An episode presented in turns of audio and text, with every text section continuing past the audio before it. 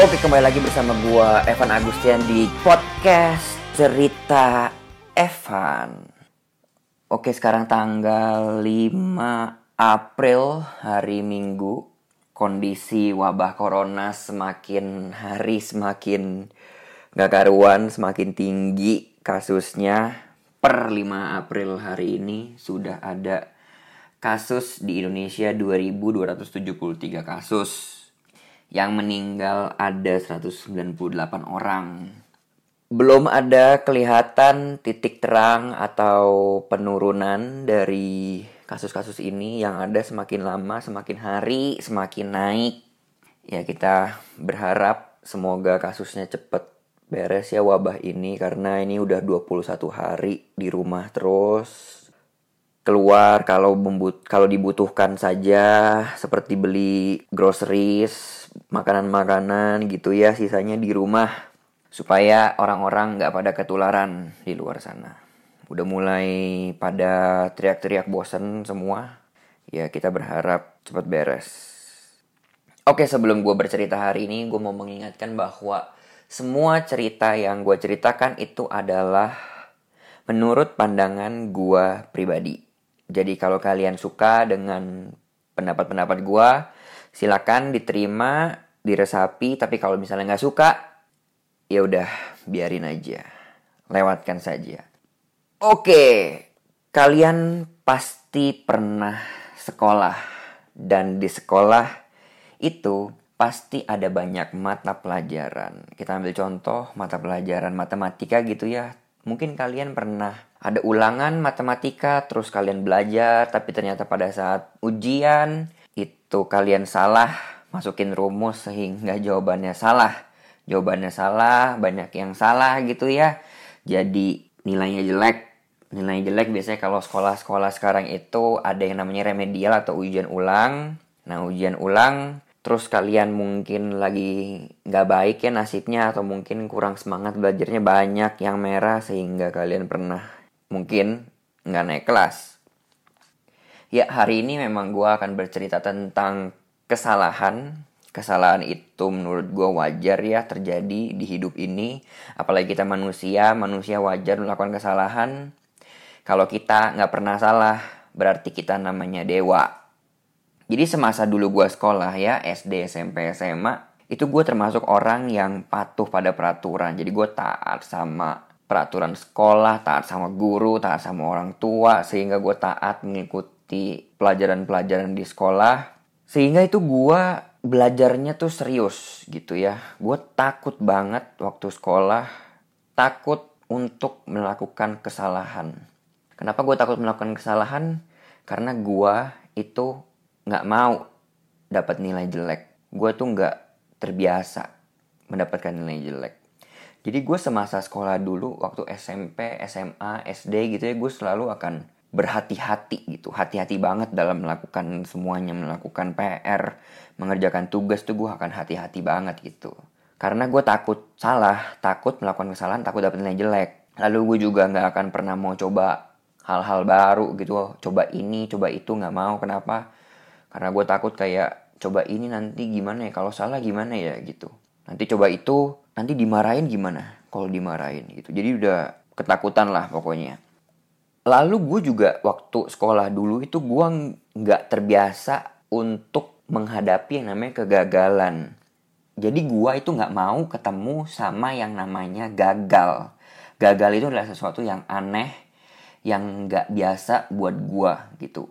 Pokoknya harus mulus harus bagus. Sebagai contoh nih, sewaktu SD kelas 3 gitu ya, gurunya galak banget. Terus kalau misalnya waktu pelajaran matematika, gua jawab gitu ya, ditanya sama gurunya, terus gua jawab, dan jawabannya itu ternyata salah. Lalu gurunya itu bakal marah-marahin gua gitu. Sehingga dari situ gue punya pengalaman buruk dan gue jadinya nggak mau salah jawab. Takut dimarahin gurunya.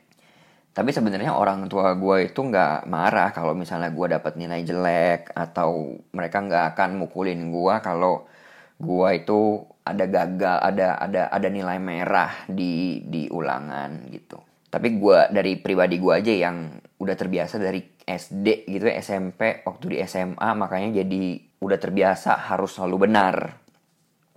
Jadi karena di SD, SMP, SMA sudah punya karakter seperti itu selama 12 tahun itu belajar kayak gitu, akhirnya tuh karakternya tuh terbentuk. Karakter apa yang terbentuk? Karakter yang terbentuk adalah karakter tidak boleh salah.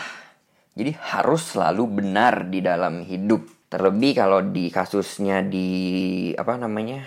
Kalau kasusnya di pelajar waktu itu ya 12 tahun itu berarti harus selalu benar di pelajaran. Jadi itu tuh udah terprogram di dalam diri gua harus selalu benar.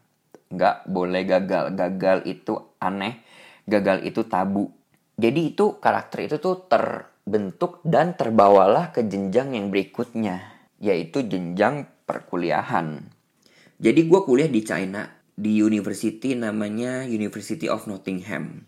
Jadi itu adalah university dari Inggris punya cabang di China.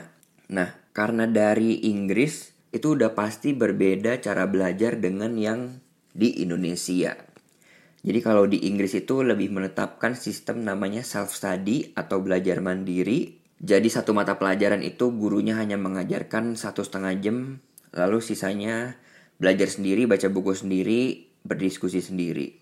Selain itu bedanya juga pasti di mata pelajaran. Kalau di Indonesia semasa SMA itu mata pelajarannya banyak banget. Nah kalau udah di kuliah di sana itu hanya 5 mata pelajaran doang sampai 6 mata pelajaran.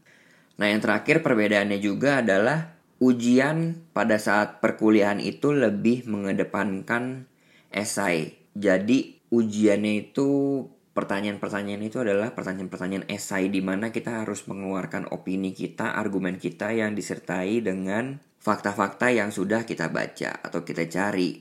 Kalau di waktu SMA dulu kan pelajarannya tuh banyak sekali menghafal ya, menghafal rumus, menghafal sejarah, bahasa Indonesia seperti itu. Nah, jadi di kuliah ini sebenarnya lebih lebih mudah untuk survive dan lebih mudah untuk untuk bisa lulus dengan nilai cukup baik asalkan kita itu tahu bagaimana caranya menyusun jawaban-jawaban esai supaya mendapatkan nilai yang baik. Dan untungnya gue tahu cara-cara tersebut dan akhirnya gue di tahun pertama semester 1 sampai gue lulus di tahun keempat semester 2 itu gua perjalanannya mulus kayak jalan tol nilainya cukup baik nggak ada lagi yang merah dan hidup gua bener-bener lancar di universitas. Nggak melakukan kesalahan sedikit pun. Nggak ada salah bahkan gue bisa bilang kayak kehidupan universitas gue bener-bener lancar selancar lancarnya nggak ada kesalahan sedikit pun. Jadi gue nggak pernah ketemu yang namanya kesalahan waktu gue di universitas dulu.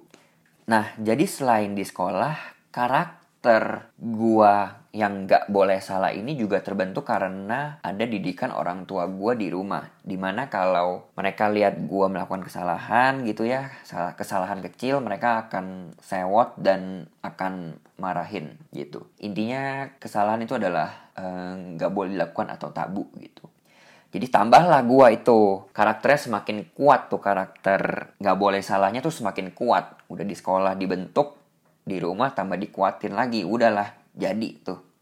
Nah setelah gua lulus kuliah dan masuk ke dunia yang sebenarnya dunia pekerjaan, dunia nyata, real life, itu di sanalah problemnya mulai jadi dengan karakter yang gue punya yaitu karakter yang gak boleh salah, takut salah, terus kalau ketemu kesalahan itu aneh, gak biasa, menganggap salah atau gagal itu adalah tabu. Itu membuat diri gue menjadi kesusahan untuk di tempat pekerjaan. Jadi gue kerja di pabrik di bagian PPIC, Product Planning Inventory Control, Salah satu tugasnya adalah menghitung bahan baku untuk produksi berdasarkan pesanan dari customer. Nah, di pabrik itulah gua dibunuh pelan-pelan. Kenapa gua dibunuh pelan-pelan? Karena gua nggak punya mentor dan gua nggak punya pengalaman di bidang kepabrikan. Lalu kuliah gue berbeda juga dengan kepabrikan gue kuliah di international business terus gue masuknya ke pabrikan jadi gue nggak ada ilmu apa-apa juga karena gue nggak punya semua jadi gue harus menggunakan metode yang namanya metode trial error jadi karena divisinya itu masih kurang sempurna dan gue harus menyempurnakan divisi tersebut karena nggak ada yang pandu dan nggak punya ilmu, nggak punya pengalaman, jadi gue harus mencoba-coba sendiri. Harus men-trial error metode-metode yang akan gue terapkan. Nah, trial error itu meningkatkan resiko terjadinya kesalahan. Karena nggak tahu sebenarnya yang di trial itu beneran berhasil atau malah error gitu. Jadi gue trial error, trial error, trial error terus dan membiasakan diri gue untuk terbiasa dengan kesalahan-kesalahan yang terjadi. Tapi sebenarnya gue nggak terbiasa gitu. Coba yang metode A ternyata salah. Lalu coba metode B eh ternyata masih salah juga. Lalu harus improve ke metode C gitu. Jadi trial error terus sampai ketemu yang paling efisien dan yang bisa digunain di pabrik tersebut jadi gue harus membiasakan diri dan akhirnya perlahan-lahan itu mindset gua itu dihancurkan. Mindset karakter yang takut salah terus kayak nggak terbiasa dengan kesalahan itu pelan-pelan itu dihancurkan tuh. Karakter-karakter yang terbentuk selama masa studi dari SD sampai perkuliahan itu tuh di di dihancurin pelan-pelan. Itu situasi yang nggak mudah ya karena itu berhubungan sama mental dan mindset dan diri gitu. Selain berhubungan dengan diri sendiri, itu ada hubungannya juga dengan pabrik itu juga. Kalau gua trial error dan salah, nanti impactnya itu bukan kecil. Impact itu bukan ke nilai, bukan ke nilai pelajaran, tapi impactnya itu adalah ke satu pabrik gitu. Nah, contohnya adalah gua pernah bikin metode penghitungan bahan baku. Nah, kebetulan bahan baku ini tuh untuk barang yang dikirim ke satu customer yang sangat-sangat penting dan barang untuk customer itu nggak boleh dikirimnya telat. Nah, otomatis kan gue harus menghitung secara pasti ya bahan bakunya. Nah, karena baru awal-awal, akhirnya salah hitung, salah bukan salah hitung, tapi kayak metode yang digunakan itu membuat penghitungannya menjadi meleset. Nah, akhirnya beneran kejadian meleset. Wah itu satu pabrik langsung gak bisa ngirim. Dikarenakan metode yang gue pakai itu salah. Wah gue langsung depresi. Wah langsung kayak wah pusing kepalanya. Langsung itu waktu awal-awal kerja ya. Di tahun pertama mungkin langsung gue kayak menganggap diri gue gagal. Terus kayak murung. Terus bener-bener nggak semangat mikirin itu. Terus setiap hari nggak niat kerja juga gitu tuh waktu waktu itu memang bener-bener sangat-sangat terpukul gitu. Jadi akhirnya setelah terpapar kejadian-kejadian seperti itu terus ya trial error terus ketemu salah ini itu setelah lima tahun akhirnya gua menjadi terbiasa dengan yang namanya kesalahan dan untungnya karakter yang sudah mengakar di dalam diri gua di mana uh, takut dengan kesalahan takut dengan gagal harus selalu benar itu akhirnya berubah, terkikis dan berubah menjadi karakter yang ya udah kesalahan itu adalah hal yang wajar dan lumrah gitu. Kalau nggak salah berarti nggak mencoba. Nah, di kondisi yang sekarang karakter gue udah berubah nggak seperti yang waktu gue sekolah dulu. Gue sudah menganggap kesalahan itu adalah hal yang wajar. Kegagalan merupakan bagian dari hidup manusia jadi memang hidup manusia itu tidak terlepas dari yang namanya kesalahan dan kegagalan. Sebagai contoh, waktu itu gue pernah setelah dari pabrik gue coba berjualan ya. Jualan panel interior gitu dan ternyata nggak laku. Ya nggak laku ya udah berarti kan ada kesalahan di di dalam cara berjualannya mungkin atau mungkin kesalahan di di di produknya apakah produknya memang gak diterima sama pasar atau gimana. Ya kita ambil pelajarannya aja. Jadi gue ambil pelajarannya aja gitu kenapa gagal menjual. Yang penting kan gue sudah mencoba gitu. Gue dapat pelajaran yang berharga. Oke, jadi moralnya apa yang bisa kita ambil dari cerita pengalaman gue tentang kesalahan?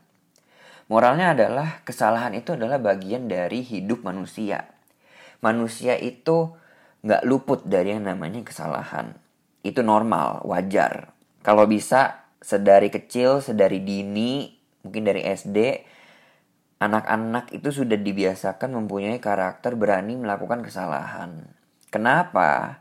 Karena berani melakukan kesalahan itu adalah makna dari berani mencoba. Makna dari berani mengambil langkah baru atau mencoba sesuatu yang baru. Berani mengambil langkah atau mencoba sesuatu yang baru itu akan berimbas kepada pembukaan opportunity atau pintu-pintu dan kesempatan yang baru juga.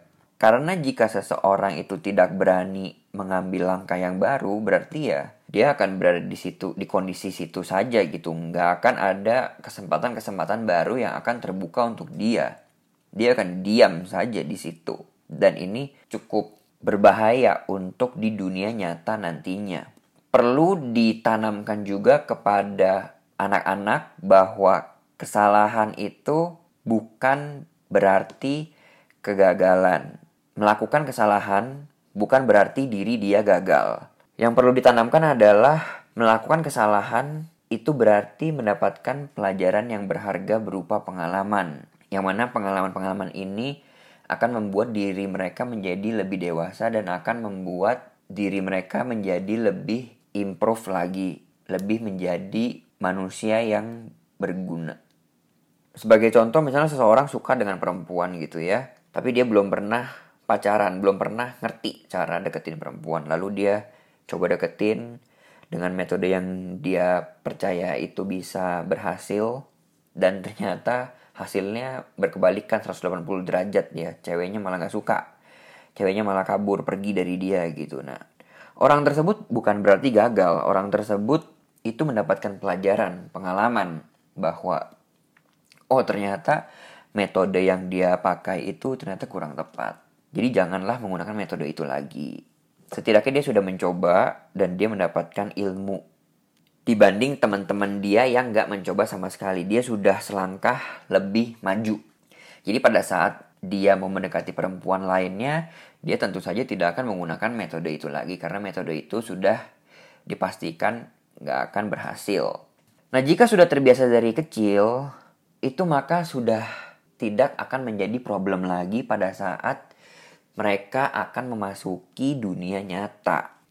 Jangan seperti gua yang mana karakter nggak berani mencoba, takut melakukan kesalahan itu berakar ke dalam diri gua dan gua harus memaksa diri gua itu berubah oleh karena keadaan yang gua temui di dunia nyata. Karena itu cukup menderita untuk mengubah karakter tersebut. Mengubah karakter itu nggak mudah. Gue butuh lima tahun untuk mengubah karakter gue tersebut. Jadi sebenarnya di dunia nyata itu kita harus banyak mencoba. Berarti kita harus banyak melakukan kesalahan supaya kita tahu mana yang benar, supaya kita membuka pintu-pintu kesempatan untuk diri kita. Kita perlu mundur satu langkah supaya kita bisa maju dua langkah. Karena akan menjadi sangat berbahaya kalau kita tuh tidak berani mencoba sesuatu yang baru. Kita akan terjebak di zona nyaman dan ya kita nggak akan pernah mengimprove diri kita. Kita nggak akan pernah tahu kita akan dibawa ke mana oleh hidup. Jadi gue ingat temen gue pernah berkata satu pesan penting. Jika kita melakukan kesalahan lalu kesalahan tersebut kita refleksikan di dalam diri kita maka itu adalah yang namanya progres kita harus berprogres di dalam hidup. Dan juga Denny Santoso, pakar digital marketing, dia bahkan melakukan hal ini kepada anak-anaknya. Dia bertanya kepada anak-anaknya setiap hari, hari ini sudah melakukan kesalahan apa setiap hari. Jadi Denny Santoso itu mengajarkan kepada anak-anaknya untuk terbiasa dengan yang namanya kesalahan. Oke, jadi buat teman-teman sekalian yang sudah mendengarkan salah itu biasa kalau nggak salah ya kita nggak akan pernah mencoba kalau kita nggak akan pernah mencoba itu nggak akan ada opportunity baru atau pengalaman-pengalaman baru untuk diri kita. Kita akan hanya menjadi manusia yang segitu-segitu aja, nggak akan pernah berkembang. Oke, sekian dari gua hari ini. Kalau kalian suka dengan cerita gua, boleh berkomentar di kolom komentar. Kalau kalian yang mendengarkan melalui Apple Podcast, boleh di-review, dikasih bintang 5, supaya gua tambah semangat bikin podcastnya. Kita jumpa lagi di cerita Evan yang berikutnya.